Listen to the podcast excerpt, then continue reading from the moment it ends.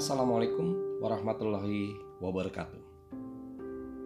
Bukan persoalan mudah menjadi pribadi yang bijaksana di tengah kehidupan yang cenderung menempatkan sukses materi sebagai satu-satunya indikator kebahagiaan pada saat ini.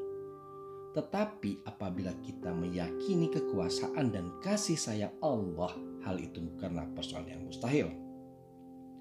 Seorang teladan dari kalangan bangsawan yaitu Khalifah Umar bin Abdul Aziz ketika menjabat sebagai khalifah dengan ditemani pengawal menuju masjid pada waktu sahur. Beliau melintasi seorang laki-laki yang sedang tidur di jalanan. Tanpa sengaja, kaki beliau menyandung tubuh laki-laki tersebut sehingga secara spontan laki-laki berseru, "Kamu ini gila ya?" Lantas beliau menjawab, "Tidak." Melihat kejadian itu, pengawal beliau pun ingin sekali menghajar laki-laki itu. Namun khalifah segera berseru, "Bersabarlah." Orang itu hanya bertanya kepadaku, "Kamu ini gila ya?" Dan sudah aku jawab, "Tidak."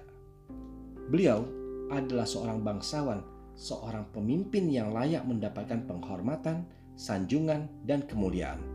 Sedangkan perkataan yang seperti itu adalah bentuk perendahan yang sungguh sangat tidak layak. Namun dengan kedudukannya tidak menjadikan beliau angkuh dan menjawab dengan respon tanpa berlebihan.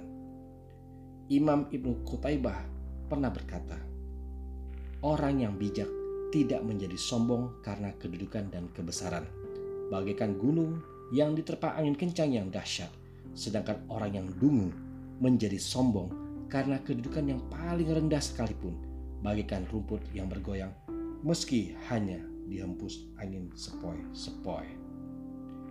Semoga bermanfaat. Wabillahi taufiq wal. Wassalamualaikum warahmatullahi wabarakatuh.